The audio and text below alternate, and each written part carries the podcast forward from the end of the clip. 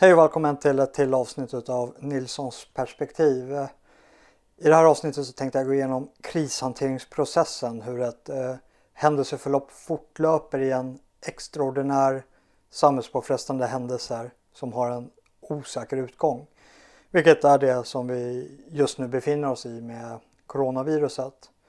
Och jag kommer att eh, utgå från de teoretiska ramverken från mina studier till statsvetare med just inriktning på krishantering på Försvarshögskolan. Och med hjälp av teorin så kan vi lättare förstå den nuvarande situationen och förstå varför vissa aktörer agerar som de gör. Men eh, först, om ni uppskattar de här videorna som vi gör här på Palestra Media och eh, vårt övriga arbete så hjälper ni oss också om ni bidrar till verksamheten. Hela vår eh, medieproduktion möjliggörs av era frivilliga återkommande donationer. Och eh, till skillnad från statsmedien så erhåller vi inte heller några skattemedel.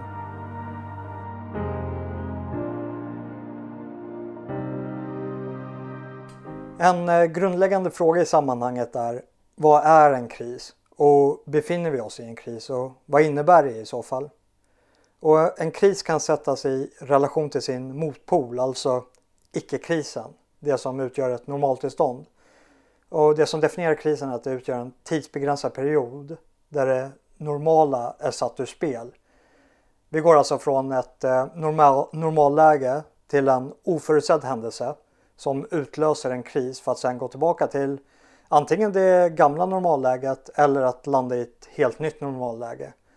Men eh, allt som frångår det normala behöver inte vara en kris utan krisen kräver också vissa komponenter och eh, några utav dessa komponenter är att det föreligger ett hot mot grundläggande värden. Att vitala system riskeras och att det råder en stor osäkerhet med en känsla av att det är väldigt brådskande.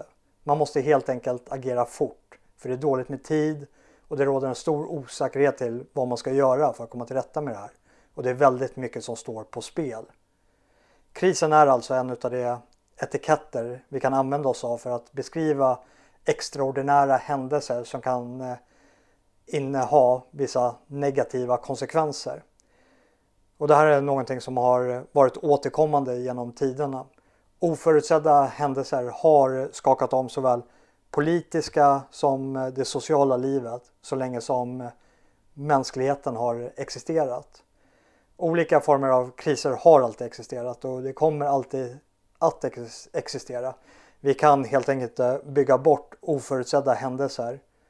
Och där ligger också utmaningen i att förbereda sig själv och ett samhälle med alla dess institutioner på någonting som man vet kommer att hända. Men man vet inte när det kommer att hända eller vad det är som kommer att hända. En av mina gamla professorer beskrev eh, krisutvecklingen eh, så här. Och eh, jag tyckte att eh, liknelsen eh, passade till, in till den här nuvarande krisen som vi just nu befinner oss i. För att förstå varför kriser hela tiden lyckas överraska oss. Tänk på krisen som om det vore en sjukdom. Den angriper svagheter i kroppen, antingen på grund av ärftliga faktorer eller av ett osunt leverne. Inkubationsfasen börjar när patogener sprids och gör sig hemmastadda. När det når en viss tröskel överträffar patogenerna immunförsvaret och får patienten att känna sig sjuk. Sjukdomen är nu uppenbar och kampen om återhämtning eller överlevnad kan börja. En kris följer ett liknande utvecklingsmönster. Och det, det som det här innebär är att man inte kan planlägga mot det oförutsedda som eh, Moltke den äldre mycket riktigt poängterar. Det finns ingen plan som överlever kontakten med fienden. Hemligheten ligger inom flexibiliteten till att kunna hantera det som måste hanteras. Och för att kunna vara flexibel så måste man kunna agera utifrån uppstådda omständigheter. Därför är det viktigt att vi är i kontroll över reglerna och inte reglerna som är i kontroll över oss. Man kan inte arbeta utifrån ett förutbestämt regelverk eller en plan för att hantera en kris som ännu inte har inträffat. För det är bara i teorin som eh, praktik och teori är eh, samma sak. En eh, kris går igenom fyra olika faser. Den första är krisutvecklingen som är en fas som föregår själva krisen. Sen är det den akuta krishanteringen som följs av normaliseringen där man antingen återgår till ett gammalt normalläge eller träder in i ett nytt. Och krisen avslutas med ansvarsutkrävandet. Och vi befinner oss just nu i den akuta krishanteringen och jag tänkte gå igenom lite inom den processen med fokus på ledarskapsfrågan och där finns det fem huvudsakliga uppgifter som ledarskapet behöver hantera i en krissituation. Och den första är eh, sensemaking. sense making. Att i ett inledande skede försöka förstå vad det är som händer för att i, överhuvudtaget kunna agera på det. Och efter att man har förstått vad det är man möter och vad det är som riskeras då träder man in i en beslutsfattningsdel, decision making. Alltså hur man väljer att bemöta den här oförutsedda samhällspåfrestningen. Och det som kännetecknar den här kategoriseringen är svåra och snabba beslut som ibland sker med otillräckligt beslutsunderlag. Och en av de absolut tuffaste besluten att ta i en krissituation, i alla fall om man befinner sig i en västerländsk demokrati, och det är huruvida ledarskapet ska besluta om drakoniska åtgärder för att bemöta hotet som är, i det här fallet då är det här viruset. Och många europeiska länder har redan vidtagit väldigt hårda beslut rörande karantän och folksamlingar. Där man antingen inte får gå ut alls eller om man får gå ut så får man inte vistas i större folksamlingar än några få personer. Men i Sverige så har vi inte ministerstyre och eh, vi har förhållandevis små departement och, och vi har istället väldigt stora självständiga myndigheter. Och utformningen av vårt förvaltningssystem och våra institutioner går också i linje med våra tre principer för att hantera uppkomna krissituationer. Och de tre principerna är ansvarsprincipen som innebär att den aktör som i ett normalläge skulle sköta verksamheten gör så även vid krisen. Så det är viktigt att förstå att MSB tar inte över ansvaret från andra aktörer utan det hjälper andra att fungera och agera. Och man samlar alla vid samma bord så att säga. Sen så har vi likhetsprincipen som innebär att man ska eftersträva att arbeta så normalt som möjligt så långt det bara går. Och här, den tredje principen är då närhetsprincipen som innebär att krisen ska lösas lo så lokalt som möjligt.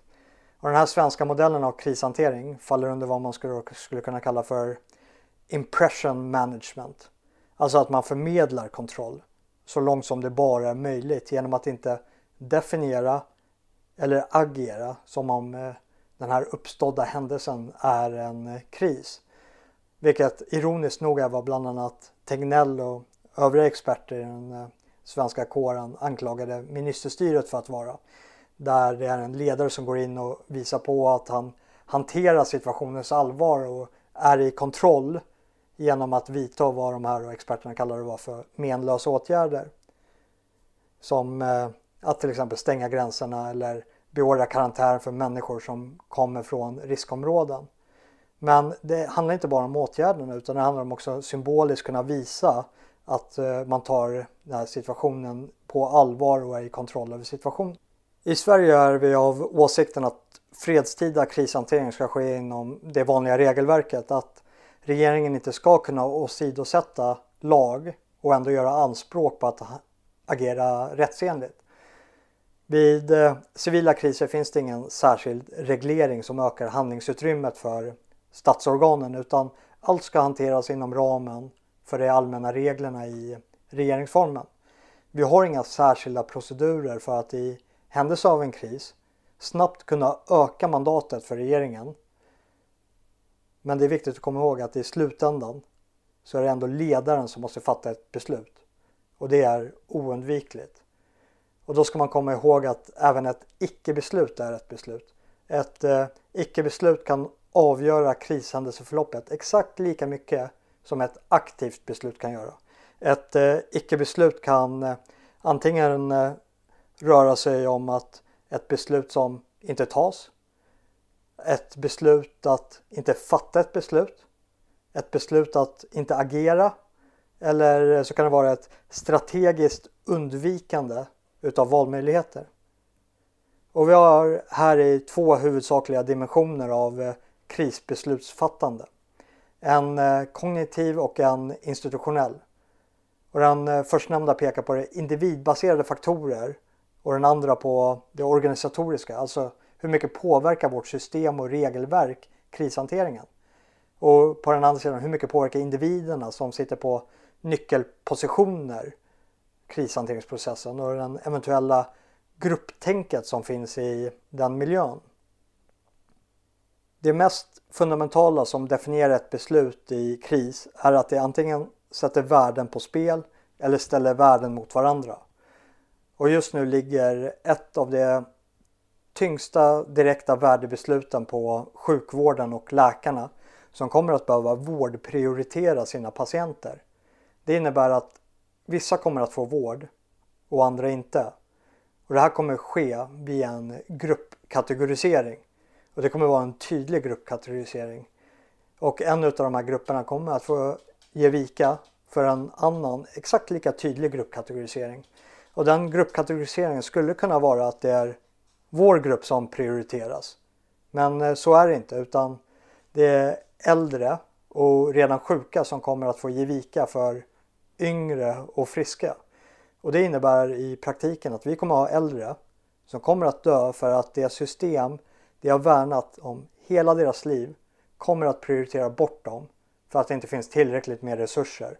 Och dessa resurser kommer att ges till yngre som inte nödvändigtvis är en del utav eh, vår grupp. Och det här är helt oacceptabelt. Och det är inte sjukvården eller läkarnas fel. Det är vårt rådande politiska etablissemang som inte gör någon skillnad mellan ett oss och ett dem.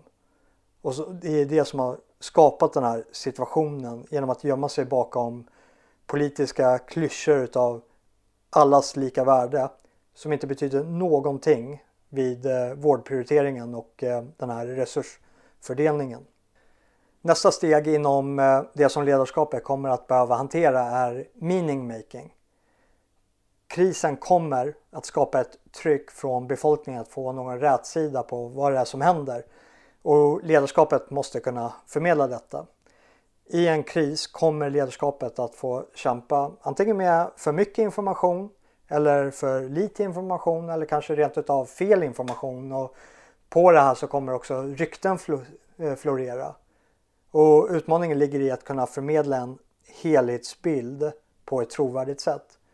Och brister trovärdigheten här och eh, det politiska förtroendekapitalet försvinner så kan det få avgörande konsekvenser för ledningens fortsatta krishantering. Och det här är extra viktigt om det egna agerandet går emot den förväntning som stora delar av befolkningen har på sitt ledarskap. Det är alltså inte bara viruset som ska hanteras på ett bra sätt utan ledarskapet måste också förhålla sig till hur andra länder har agerat och hur det formar bilden av deras egna agerande. Och desto längre dessa kommer ifrån varandra, ja, desto tydligare måste vårt ledarskap vara med eh, den här formen av kommunikation. Och det gäller också i synnerhet när eh, vi har en informationsspridning som är global. Och det är många svenskar som med lätthet kan följa andra länders agerande och sätta det i relation till vårt egna agerande. Och det kommer att skapa en stor förvirring om ledningen inte lyckas förmedla anledningen till varför det är så här på ett eh, bra sätt. Till varför vi agerar på ett sätt och de agerar på ett annat sätt. Men eh, det bottnar inte i slutändan i eh, ett svartvitt rätt eller fel då flera vägar kanske leder till något form av positivt resultat utan det det bottnar i är förtroendet och hur det förtroendekapitalet spenderas. Om man inte handhar det här på rätt sätt så kan det utlösa en till kanske mer politiskt orienterad kris. Och det ledningen vill uppnå i det här läget är att folket ska uppfatta krisen på ett sådant sätt så att det blir möjligt att arbeta gemensamt mot en önskvärd utgång. Vi har sagt där är målet och dit går vi. Och tydlighet är extremt viktigt i det här avseendet för när en kris inträffar så uppstår ett explosionsartat informationsbehov. Människor vill veta vad det är som händer och eh, hur man bör agera. Och jag tycker själv att det finns en del att göra på det här området för eh, svensk del. Kommunikationen med riktlinjer har hittills varit ganska vag och mer rört sig i domänen av eh, rekommendationer och råd snarare än fasta konkreta direktiv. Och ett eh, bra exempel på en bra kontrast mellan ett tydligt budskap och ett lite vagare lyftes fram av vår svenska epidemiolog Emma Frans som har varit återkommande i SVTs expertpanel. Hon eh, delade president Trumps tweet om eh, social eh, distansering och nya zeeländska presidentens uppmaning till social distansering. Båda vill alltså samma sak och jag lämnar det till er för att avgöra vilken som är tydligast som inte lämnar utrymme till missförstånd. Emma föredrog visserligen den nya zeeländska presidentens sätt att kommunicera men Emma är också expert på smittskydd och eh, inte på krishantering. Efter att man har förstått och agerat på krisen så måste man också söka avslutet för att kunna träda in i vad som antingen är det gamla normalläget eller eh, vad som blir ett nytt normalläge. Och i det här skeendet så innefattas också ansvarsutkrävandet. Vilket är väldigt viktigt för att få ett bra avslut och där övriga samhället också kan gå vidare på ett bra sätt. Och det här ansvarsutkrävande kommer också till stor del bero på vilken utgång vi får i krisen. Och desto bättre vi landar, ja, desto snällare kommer den här processen också att vara. Och det vanliga brukar vara att det brukar vara ganska interna ansvarsutkrävande där kanske är kollegor och medarbetare som kräver ansvar för vissa åtgärder och prioriteringar som har gjorts. Men det här beror som sagt på hur och när vi landar. Och där är det inte heller ovanligt att den här processen innehåller lite lågvattenmärken med eh, diverse blame games där olika aktörer försöker att urskulda sig själv genom att peka finger mot eh, andra. Men det är viktigt att beslutsfattare tar på sig ansvar inför allmänheten för att samhället ska kunna gå vidare och att en ny mer politiskt orienterad kris inte kommer i svallvågen utav den här faktiska krisen. Efter att eh, krisen har avslutats så kan man blicka tillbaka och göra en fullständig utvärdering och söka att lära av krisen. En eh, vanlig förekommande dikotomi här är huruvida man ska reparera eller reformera. Och det är här som den tydligaste politiseringen gör sig till känna från krisen. Reformister kommer att ta tillfället i akt i att söka de här reformerna. Och det är oavsett vilken politisk eh, hemvist man har. Krisen och dess händelseförlopp kommer att läsas av för att passa den egna ideologiska föreställningen. Realister kommer till exempel eh, hävda ett återinförande av våra beredskapslager för att utöka vår förmåga att eh, kunna stå emot de här oförutsedda händelserna där vi uppenbarligen inte får hjälp av andra. Och globalister kommer att hävda efter den här krisen att nationer inte kan stå ensamma mot globala gränsöverskridande hot Oavsett om det rör sig om klimatet eller virus. För en nations agerande kommer att påverka andra nationer och därför är vi i behovet av ett utökat internationellt samarbete med gemensamma handlingsplaner för att överhuvudtaget kunna hantera de här utmaningarna i framtiden. Vi har helt enkelt inte råd att stå ensamma. Så kanske det kommer låta. Det återstår att se. Men det finns ett eh, engelskt uttryck i det här sammanhanget och det är Lesson observed betyder inte alltid lesson learned. Krisen eh, blir det möjlighetsfönster för att genomföra policies som annars inte skulle kunna gå igenom. Och I eh, extremfall kan man eh, se en eh, normalisering av det exceptionella, det som tidigare sa skulle vara tillfälliga lagstiftningar som sen istället blir till att betrakta som permanenta och vi såg gott om sådana här lagstiftningar efter 9-11. Men det är en bra bit kvar av det här krisförloppet innan vi är där så jag, jag lär återkomma närmare om det i framtiden. Tack för att ni har lyssnat. Jag hoppas att ni och era nära håller sig friska och tänker på smittriskerna. Och följer nyhetsflödet inte bara från Sverige utan även från eh, andra drabbade länder. Och jag vill avsluta här med en liten illustration av vad eh, social distansering innebär för eh, smittspridningen.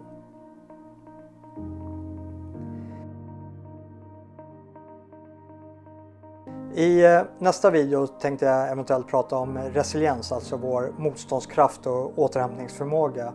Hur vi på samhällsnivå bör hantera risker och hur vi kan hantera och återhämta oss från oförutsedda samhällspåfrestande händelser.